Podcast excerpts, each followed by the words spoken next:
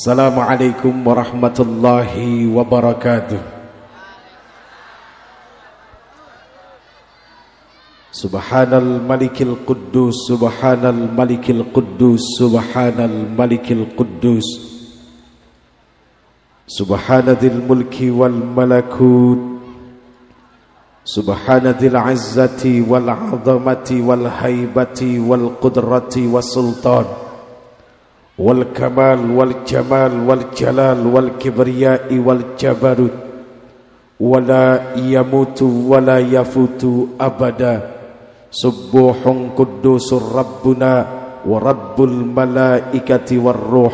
Semuanya Subhanallah Walhamdulillah Wa la ilaha Illallah Wa la ilaha Illallah Wa la ilaha Illallah Huwallahu Akbar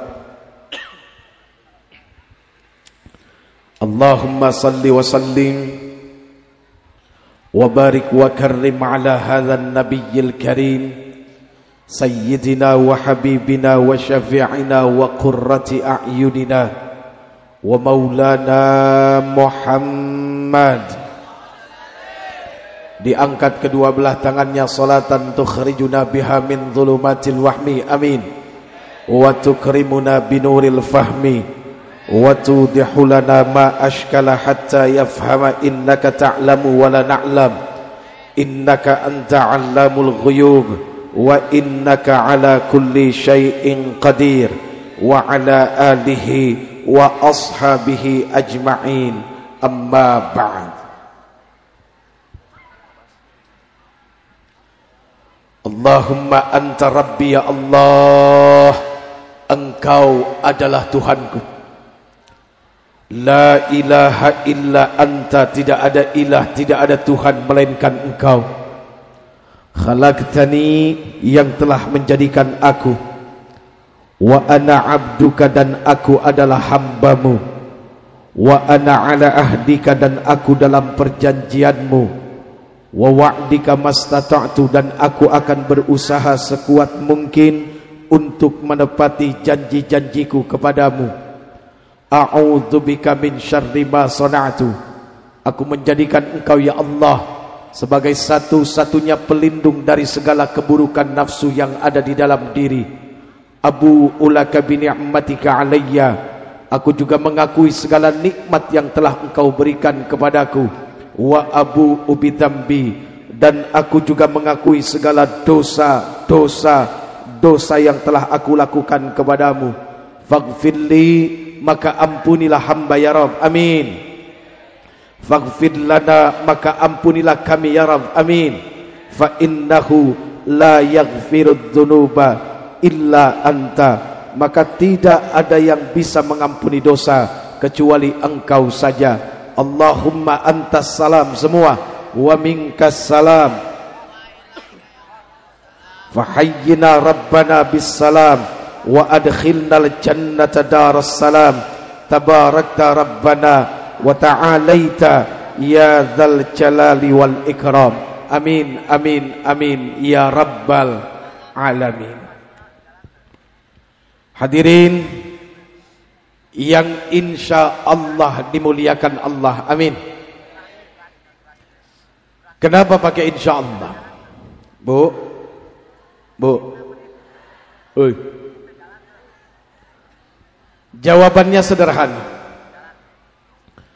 Insya Allah itu untuk sesuatu yang belum pasti. Allah Rabbul Izzah menyampaikan kepada kekasihnya. Siapa kekasih Allah? Kekasih Allah siapa? Nabi Muhammad. Jangan lupa solawatnya. Insya Allah mudah-mudahan karena bersolawat Allah subhanahu wa ta'ala mudahkan kita untuk bisa ziarah makam Rasul. Amin. Allah subhanahu wa ta'ala sampaikan kepada kekasihnya. Lalu kemudian Rasul sallallahu alaihi wasallam sampaikan kepada kita sebagai sebuah ilmu kebaikan yang akan menuntun kepada kebenaran. untuk sesuatu yang belum pasti maka insya Allah adalah jawaban yang terbaik. Kenapa begitu? Karena yang paling pasti tahu hanyalah Allah bukan manusia apalagi perkara mulia artinya adalah apa siapa pun manusianya di sini Apakah dia orang yang punya kedudukan? Ataukah dia orang yang memiliki harta? Ataukah dia orang yang populer? Karena ilmunya, karena kesalehannya, karena keturunannya, dan derajatnya tinggi, dia tidak boleh mengaku kalau dirinya lebih mulia daripada yang lain. Mohon maaf lahir batin. Artinya adalah apa? Yang di belakang belum tentu hina. Yang duduk di depan belum tentu lebih mulia daripada yang di belakang. Itulah cara Allah melihat kepada hamba-hambanya. Ketika seseorang mengaku dirinya lebih mulia daripada yang lain, maka seketika itu pula hilang kemuliaannya di sisi Allah Subhanahu wa taala. Kita dihormati bukan karena kita punya kehormatan. Kita dimuliakan bukan karena kita mulia, tapi karena masih ditutupi aibnya oleh Allah Subhanahu wa taala. Bicara ini maka kita bicara tentang akhlak dan kerendah hatian seseorang. Bicara akhlak, bicara rendah hati, maka tidak ada yang paling rendah hati dan akhlaknya baik kecuali beliau baginda yang tercinta Nabi besar Muhammad sallallahu alaihi wasallam. Di dalam surat Al-Kahfi ayatnya cari sendiri. Nah, iya, suratnya sudah diberitahu, masa ayatnya dikasih tahu juga ya.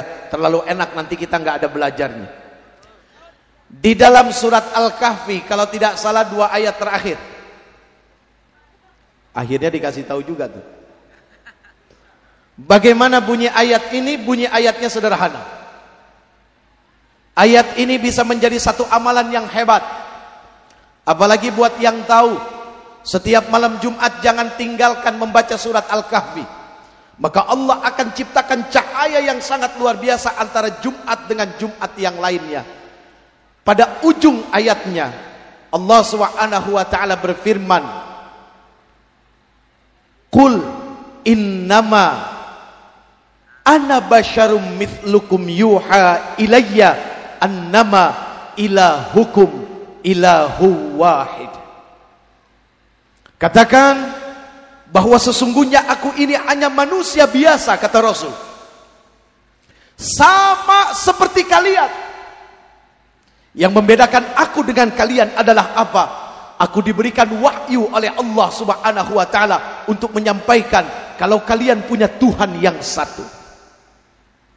Seorang rasul saja yang maksum yang sudah dijamin surganya tidak akan dimenamkan dalam jahanam. Beliau begitu sangat rendah hati. Apalagi model orang kayak begini, Ibu yang berdiri di hadapan bapak-bapak, ibu-ibu, ini manusia yang belum ada jaminan apa-apa. Kalau bicara neraka, kayaknya lebih pasti daripada surga. Sekarang saya mau tanya, kira-kira buat kita semua lebih pasti ke neraka apa ke surga? Hah? Ke neraka? Bocah, Emang lu pernah ke neraka? Satu pun di antara kita belum pernah ada yang ke neraka tapi nggak ada yang mau masuk neraka. Dan satu pun di antara kita ini belum pernah ada yang masuk surga tapi kepengen masuk surga. Itulah hebatnya firman Allah Subhanahu wa taala. Jadi kalau bicara pasti rasanya neraka, surga belum tentu. Begini saja ibu, kalau ibu kepengen tahu sisa saldo pahala ibu, atau bapak kepengen tahu sisa saldo pahala bapak, ingat saja kapan terakhir marah-marah. Kau begitu uje, marah itu menghapus amal. Menghapus pahala sholat, menghapus pahala sedekah, menghapus pahala puasa. Jadi tidak sedikit orang pergi haji, pulang nggak bawa apa-apa. Kenapa? Di sana kerjaannya marah-marah. Ya bu, bu, Hei. Hei. Jadi tidak sedikit orang yang pergi haji pulang nggak bawa apa-apa karena di sana kerjaannya marah-marah. Yang repot ada orang pulang haji sampai tanah air pulang ke kampungnya, eh ada yang nggak panggil Pak Haji tiga bulan sakit hati nggak ke masjid. Ini yang paling repot lagi Pak. Oh ternyata pergi hajinya karena kepengen dipanggil haji. Padahal orang yang dipanggil haji juga belum tentu jaminan Allah berikan surga karena hanya panggilan haji, tapi perilakunya bukan perilaku haji. Taltul, taltul, mikir. Deso. Oke bro? Oke coy? Yo eh. Maaf. Baik, hadirin yang insya Allah dimuliakan Allah, amin. Sebelumnya Uje mohon maaf yang bicara ini tidak lebih baik dari yang mendengar. Saya tidak lebih baik dari suami ibu. Saya tidak lebih baik dari anak-anak bapak. Saya ini hanya ketolong baik sangka orang katanya orang soleh. Padahal belum tentu. Allah yang paling pasti tahu. Apalagi kalau ibu-ibu tanya sama istri saya, Bu, Bu, Bu, hui, Kenal istri saya nggak? Kenal istri saya? Yang mana? Hah? Yang perempuan? Emang bini gue laki kurang aja.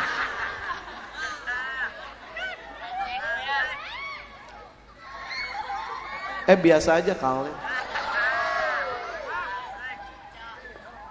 Uh, panitia mending ininya dibuka nggak apa-apa dibuka aja ya.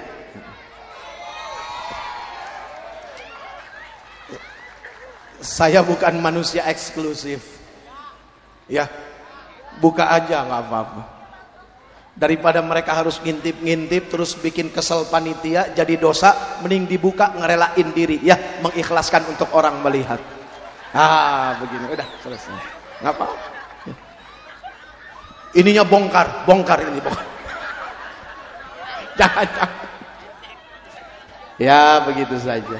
Jadi kan saya juga bisa ngobrol dengan mereka. Ya bisa komunikasi dengan mereka. Maaf. Oh, kabelnya nggak nyampe.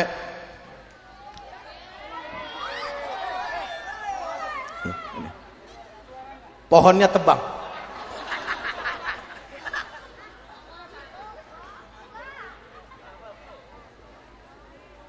Bahan putih ini adalah sebuah perumpamaan. Ketika segala sesuatu terhijab, terdinding, maka akan menjadi penghalang. Begitu juga dengan cahaya Allah. Begitu juga dengan cahaya Allah. Bagaimana mungkin sebuah cahaya masuk ke dalam hati manusia kalau di dalam hatinya banyak dinding, banyak tembok. Dinding apa saja yang menghalangi cahaya Allah masuk ke dalam hati manusia? Banyak sifat-sifat mazmumah, hal-hal yang menyeret manusia kepada kehinaan, itulah yang akan menjadi dinding antara cahaya Allah masuk ke dalam hati manusia. Salah satunya apa Ibu? Salah satunya suka sibuk sama urusan orang lain. Ya Bu? Bu, Salah satunya adalah suka sibuk sama urusan orang. Awas hati-hati. Di rumah banyak cucian kotor, jangan sibuk sama cucian kotor tetangga. Jelas? Jelas? Jelas? Baik, karena sudah jelas sampai di sini saja mudah-mudahan ada manfaat.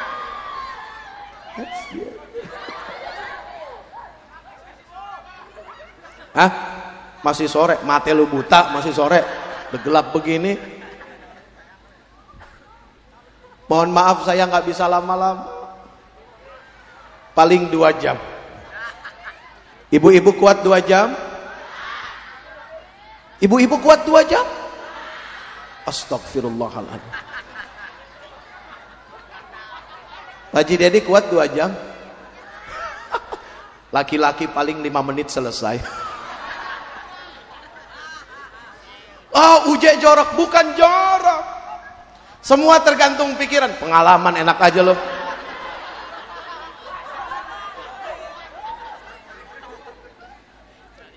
Jangan suka nuduh sesuatu yang sudah benar ya. Ini Gue jadi lupa mau ngomong apa. Sampai di mana tadi, Bu?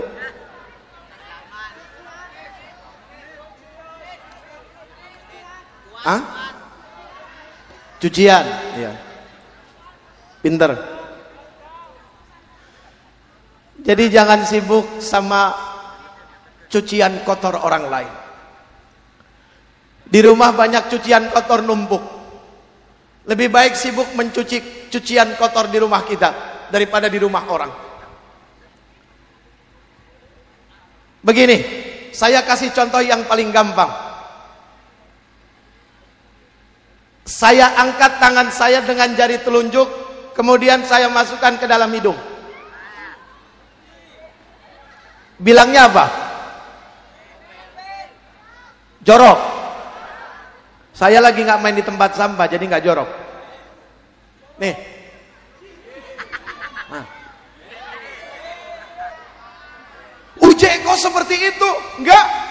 Tergantung pikiran orang. Silakan dibuka surat Al-Baqarah. Seperti biasa ayatnya cari sendiri.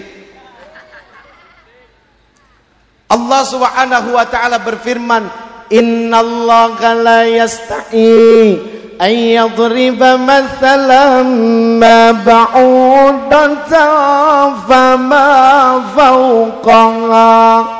فأما الذين آمنوا فيعلمون أنه الحق من ربهم وأما الذين كفروا فيقولون ماذا أراد الله بهذا مثلا يضل به كثيرا ويهدي به كثيرا وما يضل به إلا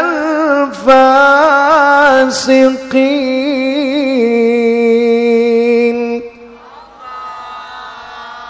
Sesungguhnya Allah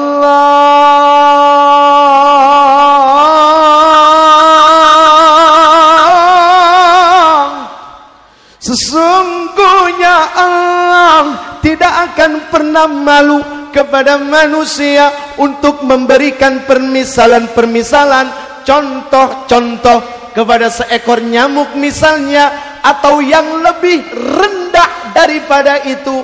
Nah, sekarang upil masuk dalam kategori fama fauqaha. فأما الذين آمنوا فيعلمون أنه الحق من ربهم dan mereka orang-orang yang beriman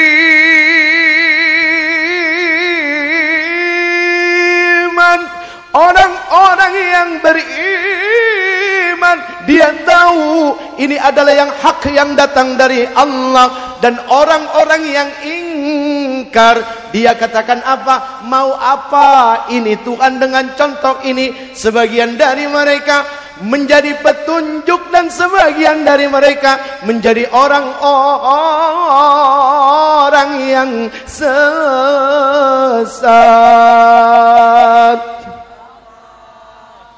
Jadi nggak ada yang jorok pak, ya tidak ada yang Jorok. Sekarang begini saja. Kemarin di dalam mobil, Pak, saya sengaja bercanda sama istri saya. Saya ngupil. Kalau upil bahasa losarinya apa? Oh, upil juga. Ah? Korong. Yang bener lo. Korong. Kemarin saya ngorong. Pribend. Ojo di mek-mek meletek dewek.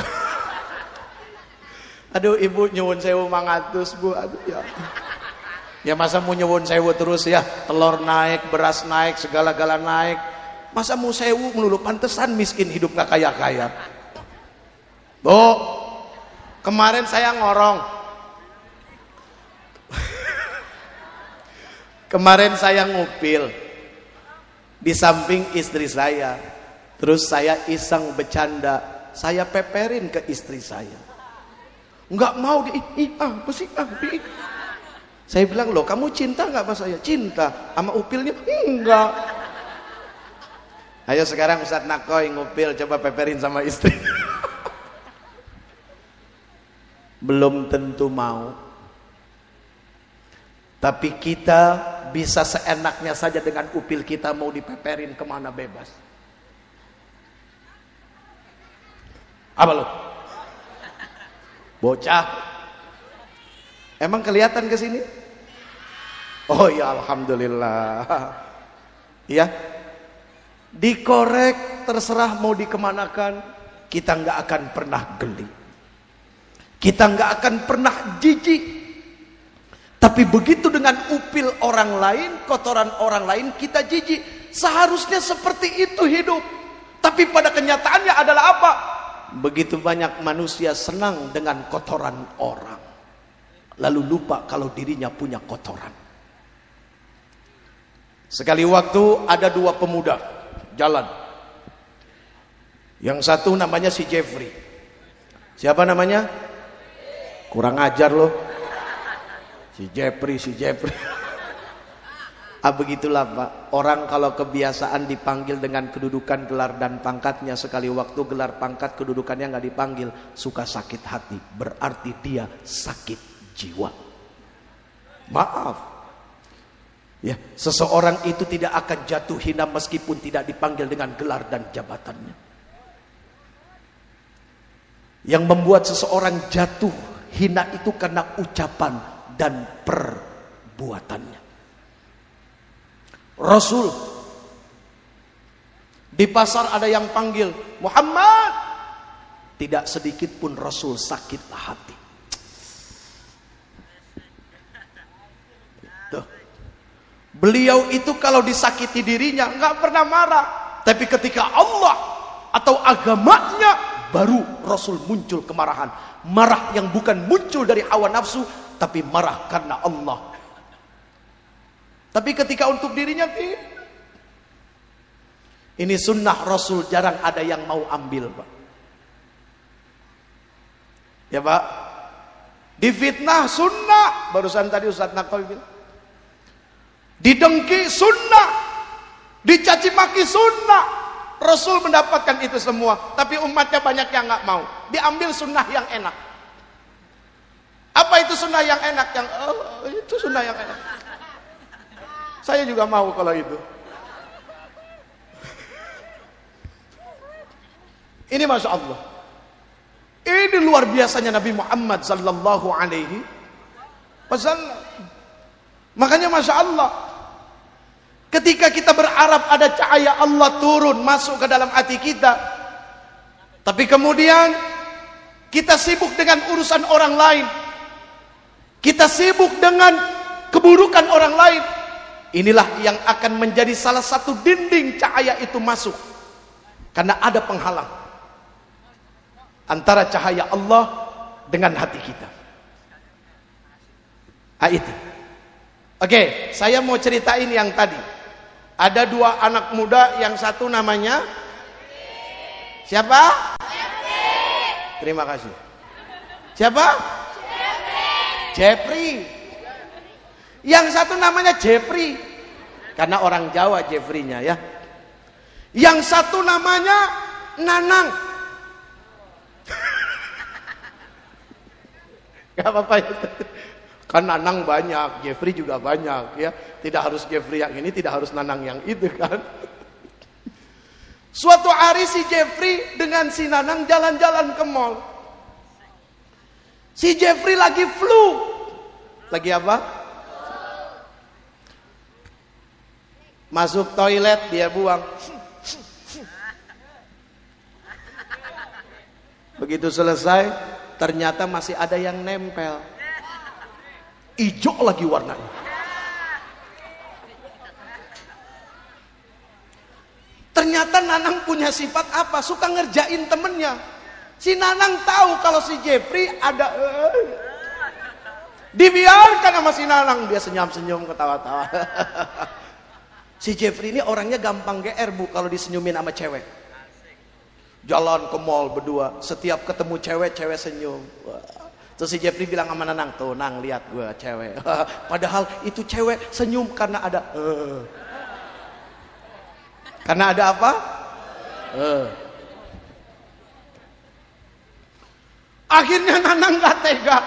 Begitu sampai lantai tiga dikasih tahu, sini, ayo masuk ke kamar mandi, coba ngaca lihat.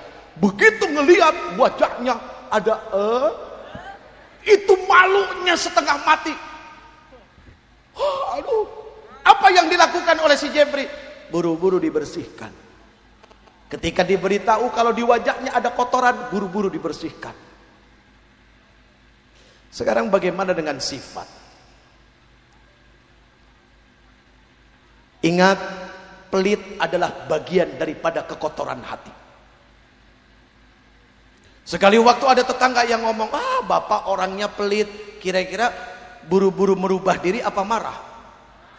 99% marah, terserah. Gua mau pelit. Kalau nggak pelit, nggak kaya-kaya. Kenapa begitu bicara sifat orang gampang tersinggung? Inilah keadaan manusia di zaman sekarang. Bukan zamannya yang salah, tapi manusianya. Jangan-jangan salah satunya adalah saya. Ini Masya Allah. Tadi kita saksikan simbolis dua batak ditaruh di atas tanah ini.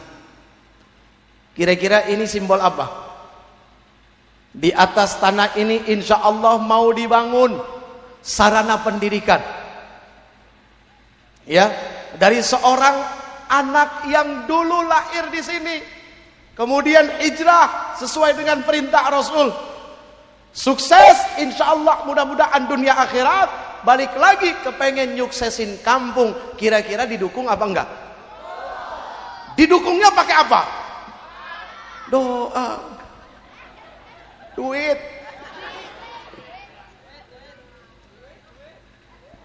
Betul juga pakai doa, tapi ada bagiannya. Doa itu buat siapa? Buat orang susah. Buat orang kaya, duit. Jangan orang kaya ikut doa juga. Kesian itu lapaknya orang susah. Kalau orang kaya ikut doa, kesian orang miskin. Nanti nggak ada bagiannya. Bagian orang miskin angkat tangan doa. Bagian orang kaya nyumbang pakai duit. Buat yang nggak mau doa, nggak mau nyumbang, diem, nggak usah ikut ribet sama urusan orang. Jelas. Bantu enggak, doa enggak, udah Diam aja kalau begitu. Nggak usah macem-macem. Yang repot doa enggak, duit enggak, ribet fitnah kanan kiri. Nah, ini di tempat saya. Di sini enggak, enggak, enggak, enggak, enggak jauh beda. enggak, enggak, enggak, enggak, enggak ya insya Allah. Nah, jadi itu hadirin yang insya Allah dimuliakan Allah. Amin, amin ya Rabbal. Amin, amin ya Rabbal. Hadirin yang insya Allah dimuliakan Allah subhanahu wa ta'ala. Balik lagi ke pokok materi kita. Jadi bagaimana mungkin cahaya Allah masuk ke dalam hati kita? Padahal cahaya Allah begitu sangat luar biasa. Maaf yang namanya manusia hidup bohong kalau tidak butuh cahaya. Ada perumahan mewah dibangun, harga rumahnya 3 miliar, 4 miliar. Tapi PLN nggak masuk ke perumahan itu. Kira-kira ada yang mau beli nggak? Ngapain rumah besar-besar persis kayak kuburan nggak ada lampunya. Betapa pentingnya sebuah cahaya. Tapi pertanyaannya, cahaya yang mana? Apakah cahaya lampu ini? Tidak, bukan. Ini adalah cahaya kebendaan. Cahaya yang menunjukkan siapa di mana, di mana ada siapa, di mana ada benda, benda ada di mana. Cahaya ini. Ada cahaya yang lebih hebat yang kita butuhkan untuk sampai kepada sesuatu yang lebih mulia adalah apa? Allahu nurus samawati wal ard.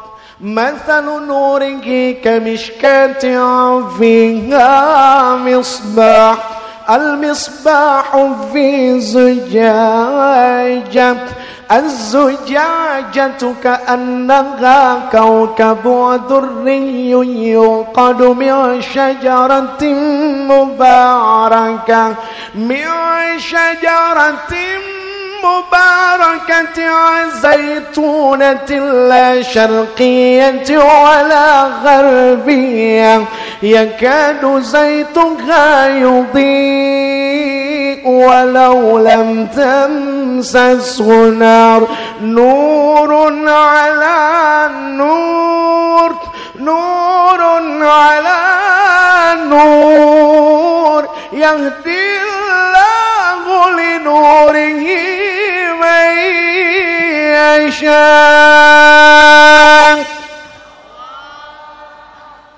Ini cahaya yang kita butuhkan. Tapi maaf, tidak akan mungkin kita sampai kepada cahaya Allah tanpa cahaya nur Muhammad sallallahu alaihi wasallam. Kok kenapa harus kepada Nabi Muhammad? Oh, kita ini bukan manusia sekualitas Ibrahim. Kalau Nabi Ibrahim jelas dengan dirinya dan petunjuk Allah Subhanahu wa taala beliau mampu mencari Tuhan dengan sendirinya. Tapi kita tidak bisa model manusia yang butuh dituntun. Nah, jadi seperti itu. Nah, kita membutuhkan Rasul sallallahu alaihi wasallam tanpa beliau tidak akan mungkin. Nah, jadi sederhananya adalah apa? Ayo jangan keluar dari Quran dan Sunnah. Insya Allah ketika kita tidak keluar dari Quran dan Sunnah, maka itu adalah jawaban. Iman adalah sebuah jawaban dari setiap persoalan di dalam kehidupan. Kenapa? Karena orang-orang yang beriman, sesusah apa pun diberikan ujian, menurut kata orang susah, menurut dia bukan kesusahan, tapi kenikmatan yang sangat luar biasa.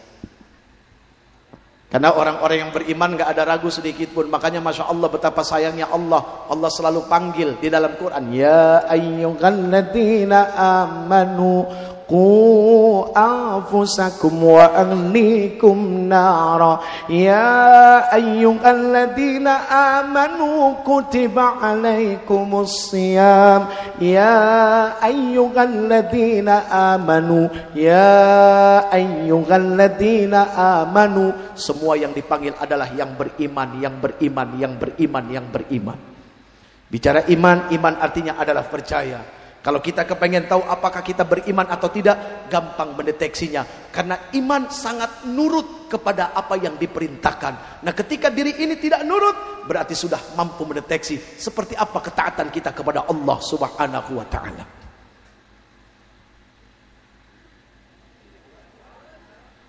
Sudah jam 11. Kurang satu jam.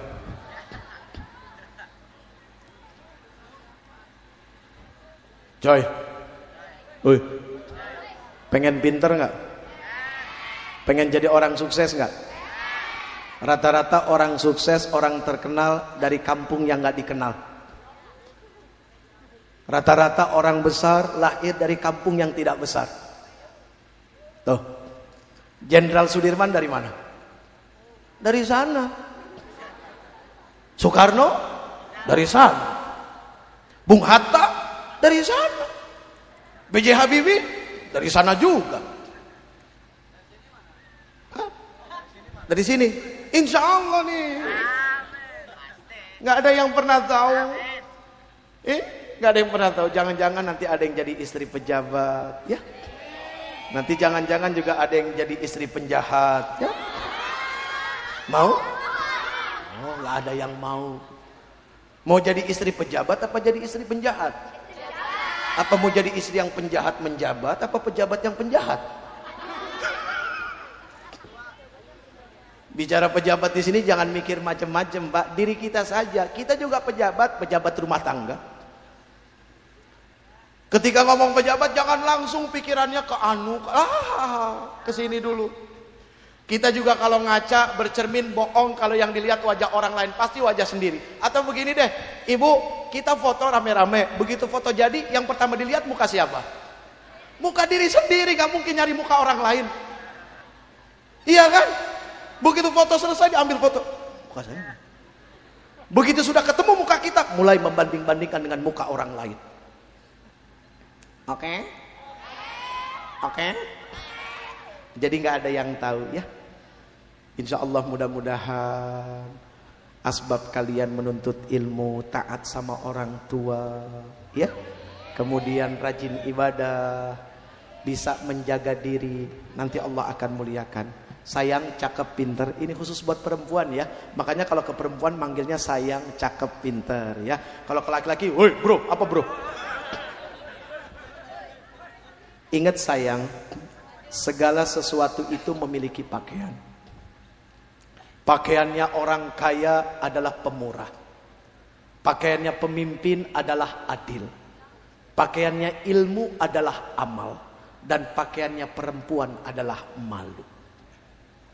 Jangan kalian lepas pakaian malu kalian. Insya Allah mau ke mana saja, di mana saja, dan duduk sama siapa saja. Kalau kalian tidak melepaskan pakaian malu kalian, kalian akan selamat. Pakaian malu di sini apa? Apakah jilbab? Bukan jilbab kewajiban. Tapi malu adalah akhlak dan adab. Berapa banyak sekarang manusia hilang malu, nggak punya akhlak, tidak punya adab, padahal katanya berilmu. Ilmunya tinggi tapi akhlaknya rendah. Ada orang katanya bodoh tapi berakhlak. Siapa? Rata-rata orang yang katanya dari kampung. Jangan sepelein orang kampung. Orang kampung itu hatinya luas, pikirannya terang. Lihat saja rumahnya pisahnya jauh-jauh. Tapi orang kota rumahnya dempet-dempet, makanya pikirannya sempit-sempit. ya kebetulan saya tinggal di kota. Jadi polanya seperti itu, Pak. Aduh ya Allah ya Karim, jangan sepelein. Aku kita balik lagi, sayang ya. Jadi pakaian malu kalian jangan dilepas. Malunya malu apa? Apakah malu kepada manusia? Tidak. Yang pertama adalah malu tauhid. Jadi malunya kepada Allah. Kalau malu kepada Allah, masya Allah. Kalau malunya hanya kepada manusia, kamu misalnya duduk sama cowok kamu nih. Mohon maaf ya zaman sekarang pak. Zaman sekarang kita udah tahu pacaran di Islam nggak ada. Ini kita kembali ke anak-anak remaja sebentar ya pak. Soalnya yang hadir nih macam-macam. Kadang-kadang kalau yang remaja nggak diajak ngobrol nanti dia ngobrol sendiri. Apalagi anak kecil tuh bocah tuh. Kalau nggak diajak ngomong nanti dia ribut. Makanya jangan jauhin orang kecil. Orang kecil kalau dijauhin nanti bikin ribut. Nah begitu loh makanya. Jelas ya.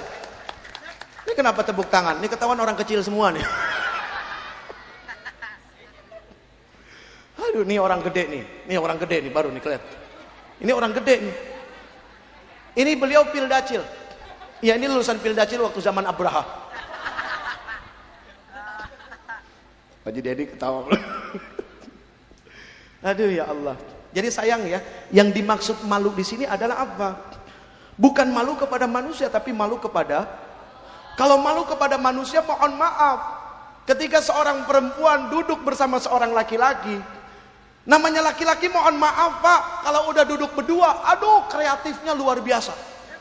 Itu tangannya senang menggambar ke mana-mana. Laki-laki paling senang ngelukis di tubuh perempuan ngaku.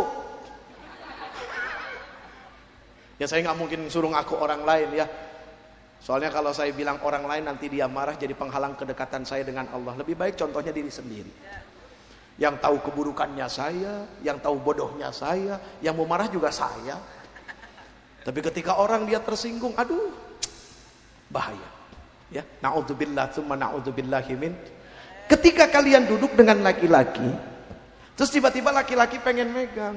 Sekarang bilang, ah, pasti malu tau.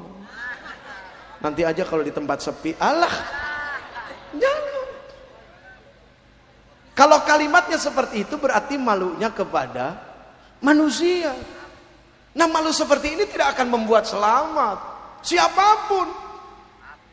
Sebetulnya kalau bicara malu, inilah budaya yang sudah hilang di negeri kita. Kalimat hadis Rasul sallallahu alaihi wasallam di dalam hadis Arba'in Syarah An-Nawawi. Bunyi hadisnya sederhana, tapi begitu sangat luar biasa bisa menyelamatkan manusia. Apa kata Rasul sallallahu alaihi wasallam dalam hadis Arba'in Syarah An-Nawawi?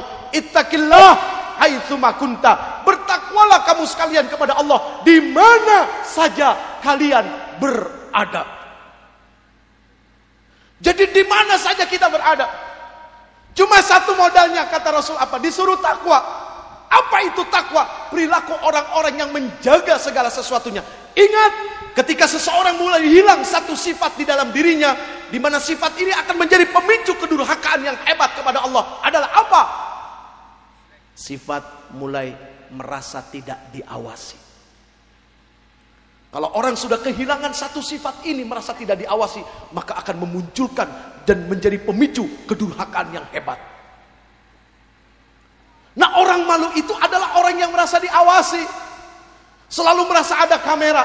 Lihat praktek sholat, Kenapa Rasul mati-matian nyuruh kita sholat? Karena di dalam sholat ada kejujuran.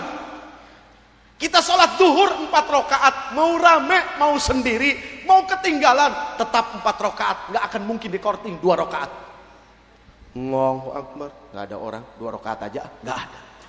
Tetap empat rakaat. Tuh sholat mengajarkan jujur. Kenapa? Karena di saat orang sholat, dia sedang merasa seperti ini dengan Allah. Ya, dia merasa seperti ini. Di luar sholat seperti ini. Terus ini orang pergi ke mana diawasi. Ketika sholat begini. Makanya para kekasih Allah ke mana pun pergi bukan begini tapi begini. Di mana mereka pergi di sana ada Allah. Makanya ittaqillah, ittaqillah, ittaqillah. Hai sumakunta di mana saja berada. Ini bukan cuma bicara tempat tapi bicara perilaku. Ketika di mana saja berada, berarti kan ada keterkaitan antara perilaku dengan tempat. Mulai dari bangun tidur, kemudian pergi kerja, masuk ke kamar mandi, pergi bergaul, takwanya dibawa, tidak ditinggal. Ini Masya Allah. Tapi lagi-lagi Allah tahu kalau Allah menciptakan manusia yang penuh dengan kelemahan.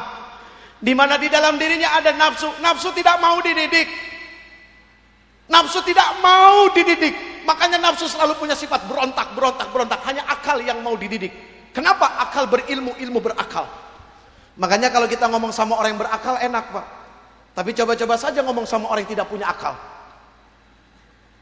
Orang yang punya akal, pegang pisau sama pegang apel, kita tahu pisaunya buat belah apel. Tapi kalau kita ngomong sama orang yang tidak punya akal, di kanan pegang pisau, di kiri pegang apel, belum tentu buka apel. Jangan-jangan kepala kita yang dibelah. Itu ngomong sama orang yang tidak berakal. Makanya akal di sini masya Allah. Nah nafsu tidak mau dididik. Ya, nafsu tidak mau dididik, maka bekalnya adalah ittaqillah bertakwa kamu kepada Allah di mana saja kamu berada. Karena Allah tahu kita adalah makhluk lemah. Kullu bani Adam khata'un. Ya. Apa kata Rasul? Watbi'is sayyi'atal hasanata tamhuha. Dan jangan lupa kalau kamu habis melakukan keburukan, buru-buru lakukan kebaikan, niscaya kebaikan itu akan menghapus. Betapa Allah sangat memahami kita ini. Aduh, makanya apa? Sebaik-baik manusia adalah orang yang bersalah. Coba lihat. Oh, oh, oh, lu jatuh. Oh, oh nggak ada asuransi eh bocah turun Alhamdulillah di pohon banyak penampakan udah turun belum udah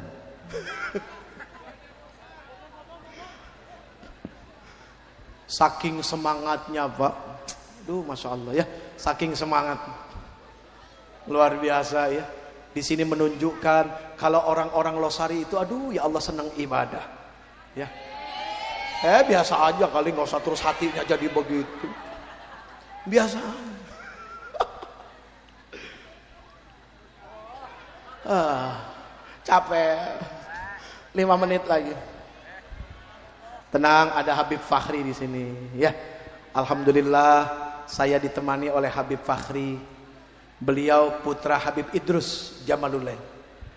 Dari generasi-generasi dari generasi ke generasi awalnya Habib Alwi ya. Ya, awalnya Habib Alwi Jamalulail, kemudian kepada ayahanda Habib Idrus, siapa yang nggak kenal ya, zaman sedang seperti apa, wah hanya beliau yang berani ngomong. Wah, sekarang alhamdulillah putranya ya ada Habib Fakhri Jamalulail insyaallah. Karena ada beliau jangan nggak dimanfaatin ya. Ya gitu. Gantian. Yang dipanggil, yang diundang cuma satu, yang datang dua. Coba buy one get two. Apa nggak enak coba? Ya, Oi. Oke, kita balik lagi. Sampai di mana tadi? Ya. Hah? Pantai Losari. Emang di sini ada pantai? Losari itu ada dua deh kalau nggak salah. Yang per, yang yang pertama di sini, yang kedua di Makassar, ya Pantai Losari. Makanya begitu tadi Umi saya telepon di mana Losari, naik apa? Naik mobil. Kok naik mobil ke Makassar? Oh, Umi, berbes. Saya kalau pulang dari Semarang, kebetulan istri saya saking Semarang, Ibu. Siapa yang ngomong? Gue lagi ceramah, terserah gue, gue mau ngomong ngomong mulu nanya, terserah gue. Istri saya dari Semarang. Kalau naik kendaraan pulang pastikan lewatnya Kendal. Ya, Kendal Jepit, Kendal Bakiak ya.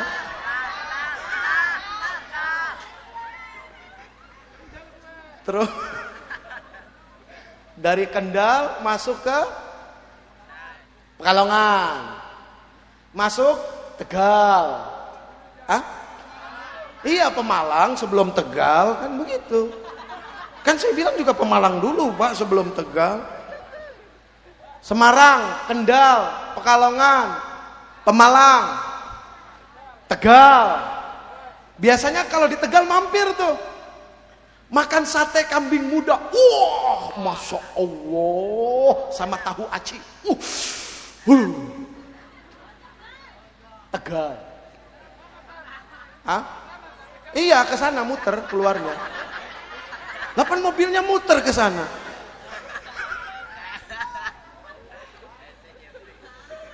Jalan nggak ada yang lurus, pasti belok-belok sana. Sampai Brebes, biasanya di Brebes berhenti pak. Telur asin sama bawang. Biasanya gitu. Dan biasanya kalau ceramah itu suka ada oleh-oleh. Biasanya. Biasanya, ya kalau nggak biasa ya nggak apa-apa. Nggak ini cuma ngasih tahu aja gitu ya. Oh tanya deh ustadz-ustadz guru-guru kita tuh. Beliau-beliau kalau pergi ceramah pulang suka bawa berkat, berek-berek diangkat. Biasa. Ya kalau di sini nggak biasa ya nggak apa-apa. Oh. Ya asal tahu aja.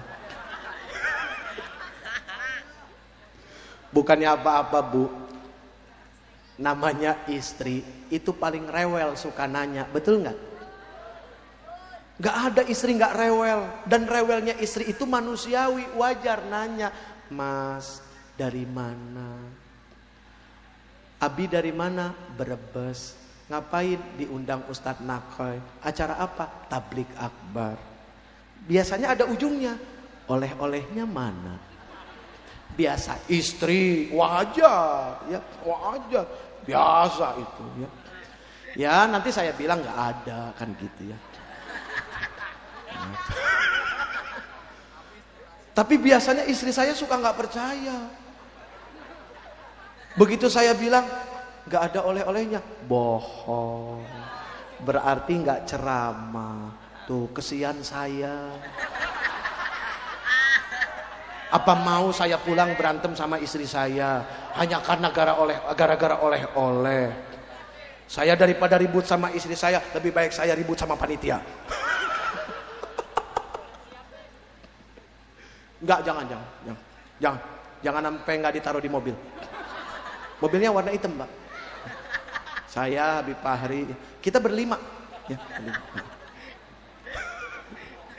ya kalau saya hanya yang dapat nggak adil dong. Betul nggak? Loh, malu sama Rasul. Ini contoh. Sekali waktu baginda yang tercinta Nabi besar Muhammad Beliau jalan sama sahabat-sahabatnya. Tiba-tiba beliau ketemu wanita Yahudi. Beliau ketemu wanita Yahudi. Kalau sudah bicara Yahudi berarti wanita tidak seiman. Tapi tinggal satu daerah sama-sama. Ternyata wanita Yahudi ini memberikan sesuatu kepada Rasul. Ngasih jeruk limau, ngasih buah limau. Rasul makan.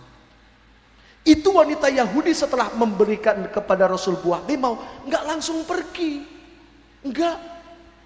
Ditunggu Rasul makan sampai habis. Itu wanitanya senang senyum. Tiba-tiba di belakang sahabatnya ngomong. Tumben Rasul makan sendiri. Biasanya makannya dibagi-bagi ini sendiri. Rasul bukan tidak tahu kalau Rasul sedang diomongin, tahu. Begitu selesai wanita Yahudi ini pergi, sebelum sahabat bertanya, Rasul jawab, Aku tahu apa yang ada dalam pikiran kalian. Percaya deh, kalian pasti nggak akan suka dengan apa yang diberikan oleh wanita Yahudi ini. Loh, memang kenapa ya Rasul? Aku sudah sering ketemu dia. Setiap ketemu selalu memberikan buah limau kepada saya. Kalian tahu nggak rasanya? Asamnya luar biasa. Aku khawatir kalau aku berikan kepada kalian, kalian makan, wajah kalian menunjukkan rasa tidak suka. Sehingga wanita Yahudi ini terluka hatinya. Makanya aku makan sendiri. Tuh Rasul. Akhlak beliau ya. Padahal yang ngasih wanita tidak seiman. Tapi Rasul begitu sangat menghargai apa yang diberikan oleh orang ini. Makanya dalam kurun waktu 23 tahun itu negeri jahiliyah bisa berubah menjadi negeri yang berakhlak. Status perekonomian menjadi ekonomi yang baik, tidak lagi terjadi dagang tipu menipu. Sifat rakus hilang. Semua saling menghormati. Perempuan yang dulu tidak ada harganya begitu sangat mulia ketika Rasul dakwah. Ya Allah ya Rabb. Ini Masya Allah. Beda dengan saya, Bu. Saya kalau pulang nih bawa berkat nih misalnya ya, misalnya dari sini nih. Misalnya dari sini saya buat telur asin, misalnya ya. Eh, lu nggak boleh lihat orang seneng loh. Saya buat telur asin, bawa bawang gitu ya, terus dibawain buah macem-macem. Kan perjalanan jauh, Bu. Suka nikung. Telurnya beradu, wah, ada yang hancur misalnya. Begitu sampai rumah, biasa istri Dipilihin sama istri, diambil yang bagus, yang benyek ditaruh luar. Yang bagus-bagus dibawa ke kamar, sisanya yang hancur dikasih ini nih yang nganterin saya. Beda sama Rasul. Tapi kalau Rasul yang tidak enak dimakan beliau, yang enak baru dimakan sahabatnya. Tuh pemimpin sejati. Adakah yang seperti itu sekarang? Ada. Ada. Cuma sedikit. Makanya nggak kelihatan. Ya. Tapi kita harus berbaik sangka. Karena konsep hidup itu kalau mau selamat adalah dengan baik sangka. Tidak dengan yang lain. Kan seperti itu. Insya Udah capek. Ini udah keringetan sampai dalam-dalam keringetan. Telur Oh iya, saya mau ngamen, mau solawatan. Tapi biasanya kalau orang ngamen suka dikasih duit nggak? Saya mau ngamen, tapi syaratnya harus dikasih. Tapi yang saya terima bukan buat saya. Sekedar kita berusaha maksimal nunjukin niat baik kita untuk membangun ini. Saya nggak dipesanin loh sama beliau, nggak ada, nggak ada. Ustadz nanti minta, nggak nggak ada. Ini hanya inisiatif, karena saya yakin ini semua orang pemurah. Ini wajah-wajah ahli sedekah. Wah ini wajahnya nggak pelit, ini oh baik semua, masya Allah. Huh, baiknya luar biasa. Ya, siap. Halo, siap. Kenapa? Oh kata beliau buat masjid saja jangan buat ini. Wah subhanallah luar biasa ya. Aduh masya Allah. Ayo jadi nggak ngamen ngamen jadi nggak? Bang Toyib lagunya. Eh serius, Bang Toyib. Apa enggak Bang Toib? Kau bilang padaku Kau ingin bertemu Kau bilang padamu Oh ya nanti dulu Aku lagi sibuk sayang ah, Main di mana itu? Ah, mau main nggak? Mau main? Main yang jauh sana Kau bilang kurang tinggi ya? Ah. Kurang, kur ya? Oh ya, saya ulang sekali lagi, ini sedekah buat masjid. Bukan buat ini, buat masjid di tempat kita ibadah. Ya, oke. Okay. Siap lagunya? Hah? Ya Rasulullah Ya Habiballah Ya Rasulullah Ya Rasulullah Ya Habiballah Ya Habiballah يا رسول الله. يا حبيب الله. محمد ابن عبد الله. محمد ابن عبد الله. محمد ابن عبد الله. محمد ابن عبد الله. محمد ابن عبد الله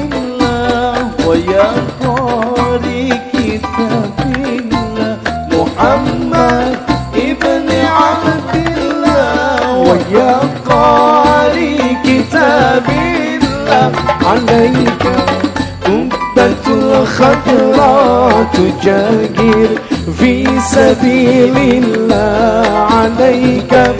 قبة الخضراء تجاهر في سبيل الله.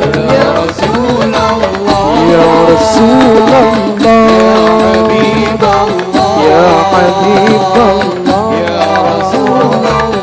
يا رسول الله. يا حبيب الله محمد ابن عبد الله محمد ابن عبد الله محمد ابن عبد الله محمد ابن عبد الله. محمد قال يا ربي سؤالي. قال يا ربي سؤالي أمتي بعدي وسمعهم من الذنب وغفر ذنوب الله وسمعهم من الذنب وغفر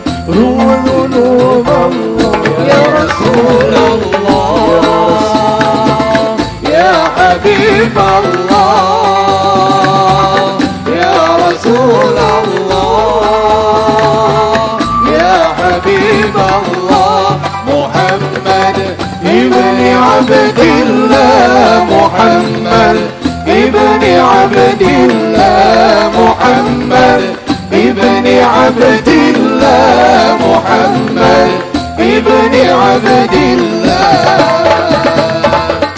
Dah, selesai. Cukup? Lagi. Ini satu lagu 100 ribu nih. Buat masjid ya, kapan lagi ngamen buat masjid, Pak? Saya ingat waktu masih ABG itu dari kota sampai Blok M ngamen bawa gitar sampai ditangkap polisi, Pak. Wah, ingat banget tuh ya Allah. Perjuangan seperti itu nikmat ya. Jangan malu selama kalian tidak mencuri. Ya, sayang nih yang yang yang remaja-remaja. Selama kalian tidak mencuri, menipu, nggak usah mau. Harus ngerasain susah hidup. Besi tidak akan pernah jadi pisau kalau tidak ditempa dan dibakar. Nggak akan jadi rel kereta api yang panjang kalau tidak ditempa dan dibakar.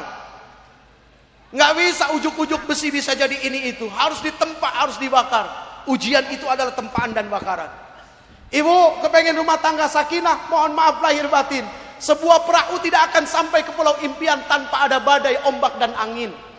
Nggak akan mungkin bisa menuju rumah tangga sakinah kalau nggak pernah ada keributan dalam rumah tangga. Justru keributan dalam rumah tangga itu adalah potensi untuk lebih baik.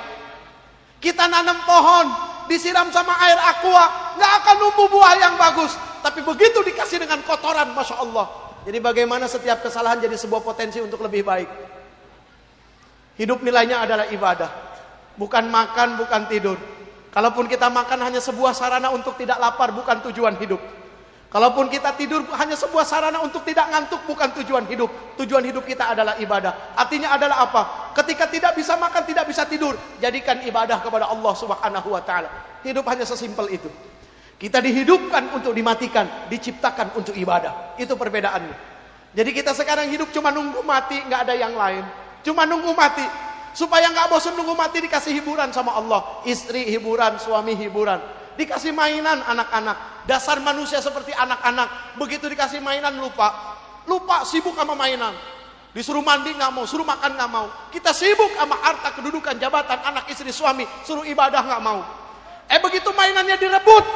Lihat anak kecil mainan direbut, nangis. Ketika seorang manusia direbut suaminya, direbut istrinya, diambil, nangis, kecewa, bahkan memaki-maki Allah, mengatakan Allah tidak adil. Padahal setiap hari kita tidak pernah memperlakukan adil Allah. Nggak mau ibadah kepada Allah. Ibadah adalah ungkapan rasa syukur karena Allah sudah menghidupkan kita dan mengizinkan kita bisa lihat dunia. Ini masya Allah. Wah luar biasa. Oke, lagu yang kedua. Lagu yang kedua judulnya tidak ada lagu. Lagu yang kedua, Bik. Solawat versi Jablay. Ah, sip. Ini solawat ini, Pak. Jadi ada sejarahnya. Waktu saya pulang ke rumah, saya ketemu anak saya. Udah tiga hari apa empat hari saya nggak pulang. Terus tiba-tiba anak saya yang yang yang uh, laki-laki dia manggil kakaknya yang perempuan.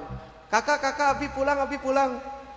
Terus begitu ketemu, mereka bilang apa? Ih, Abi kayak Bang Toyib. Hah? Bang Toib, kenapa deh? Iya nggak pulang-pulang. Terus tiba-tiba mereka bilang apa? Abi, Abi, kakak sama dede punya lagu baru. Apa? Dengerin ya. Lai, lai, lai. Lai, lai, lai, lai, lai, lai, lai. Panggil Umi si Jablay. Abi jarang pulang. Umi jarang dibelai. Dia begitu nyanyi, Pak. Wah, kacau ini. Akhirnya kita bekerja keras Alhamdulillah terinspirasi bukan hanya dari saya teman-teman mubalik. Itu lagu Jablay dirubah pakai solawat. Dirubah nadanya saja. Sempat ada yang wah bersih tegang. Wah, ah gampang saja. Lihat keramat tunggak dulu apa sekarang jadi Islamic Center. Lihat dulu Mekah apa tempat jahiliyah sekarang sudah menjadi masya Allah. Kan gitu ya. Jadi daripada anak ketinggian, ketinggian, ketinggian. Bro, bro mainnya di bawah bro. Turunin. Turunin satu lagi. Iya, ketinggian. Lai, lai, lai, lai, lai, lai, lai. Tadi juga dibilang di C bukan di G. Akhirnya daripada anak-anak kita uh, nyanyi apa? Waktu tamasya ke pinarian. Pulang-pulangku berbadan lima Udah bukan tiga lagi, udah bukan dua lagi, lima, lima bulan pak. Sudah berhenti dulu, oh, aku lagi ngomong. tidak Allah. ya, itu. Akhirnya ini bagaimana? Oh, dirubah saja. Ya Rasulullah salamun alaik. Ya Rabbi ashani wa daraji Afataya jirat alami Ya Allah Ya ughayl al-judi wal karami Akhirnya digituin Alhamdulillah Tuh anak-anak lupa sama lagu Jablay Cuma yang repot ada aja yang ngebadung. Ya Allah, ya Allah, ya Allah, panggil aku si Jablay. Ah, ini yang kacau lagi. Ah, gawat. Ah, dasar anak muda. Macam-macam aja pikirannya. Oke, siap. Naik lagi dong. Ah, coba di D. D, D. Ya, ya, ya. Ya, ya. Apa? Mainnya di mana? Di sini aja. Jangan jauh-jauh. Nadanya dari dari W pindah ke C bawa ember. Jangan lupa sama gayung. Oke. Okay. Ya Allah, ya Allah, ya Allah gitu ya. Ya Rasulullah salamun alaik. Gitu ya. Oke, okay, sip. Silakan. Uji dulu apa itu dulu? Uji duluan ya. Ya udah. Ayo yuk pulang yuk. يا رسول الله سلام عليك. يا رفيع الشأن والدرج أفتى يا جيرة العالمين. يا الله يا غير الجود والكرم. يا رسول الله سلام عليك.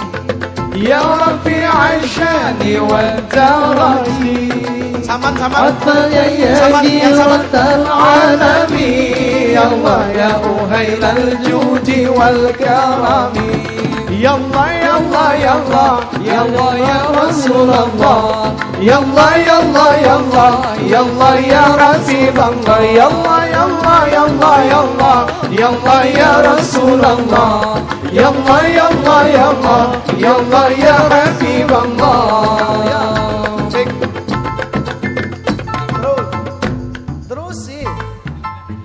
العقد جرام بذا الحرم. حرم الإنسان والحسن. نحن من قوم به سكنوا. يلا وفيهم من خوفهم آمنوا يلا يلا يلا يلا يا رسول الله. يلا يا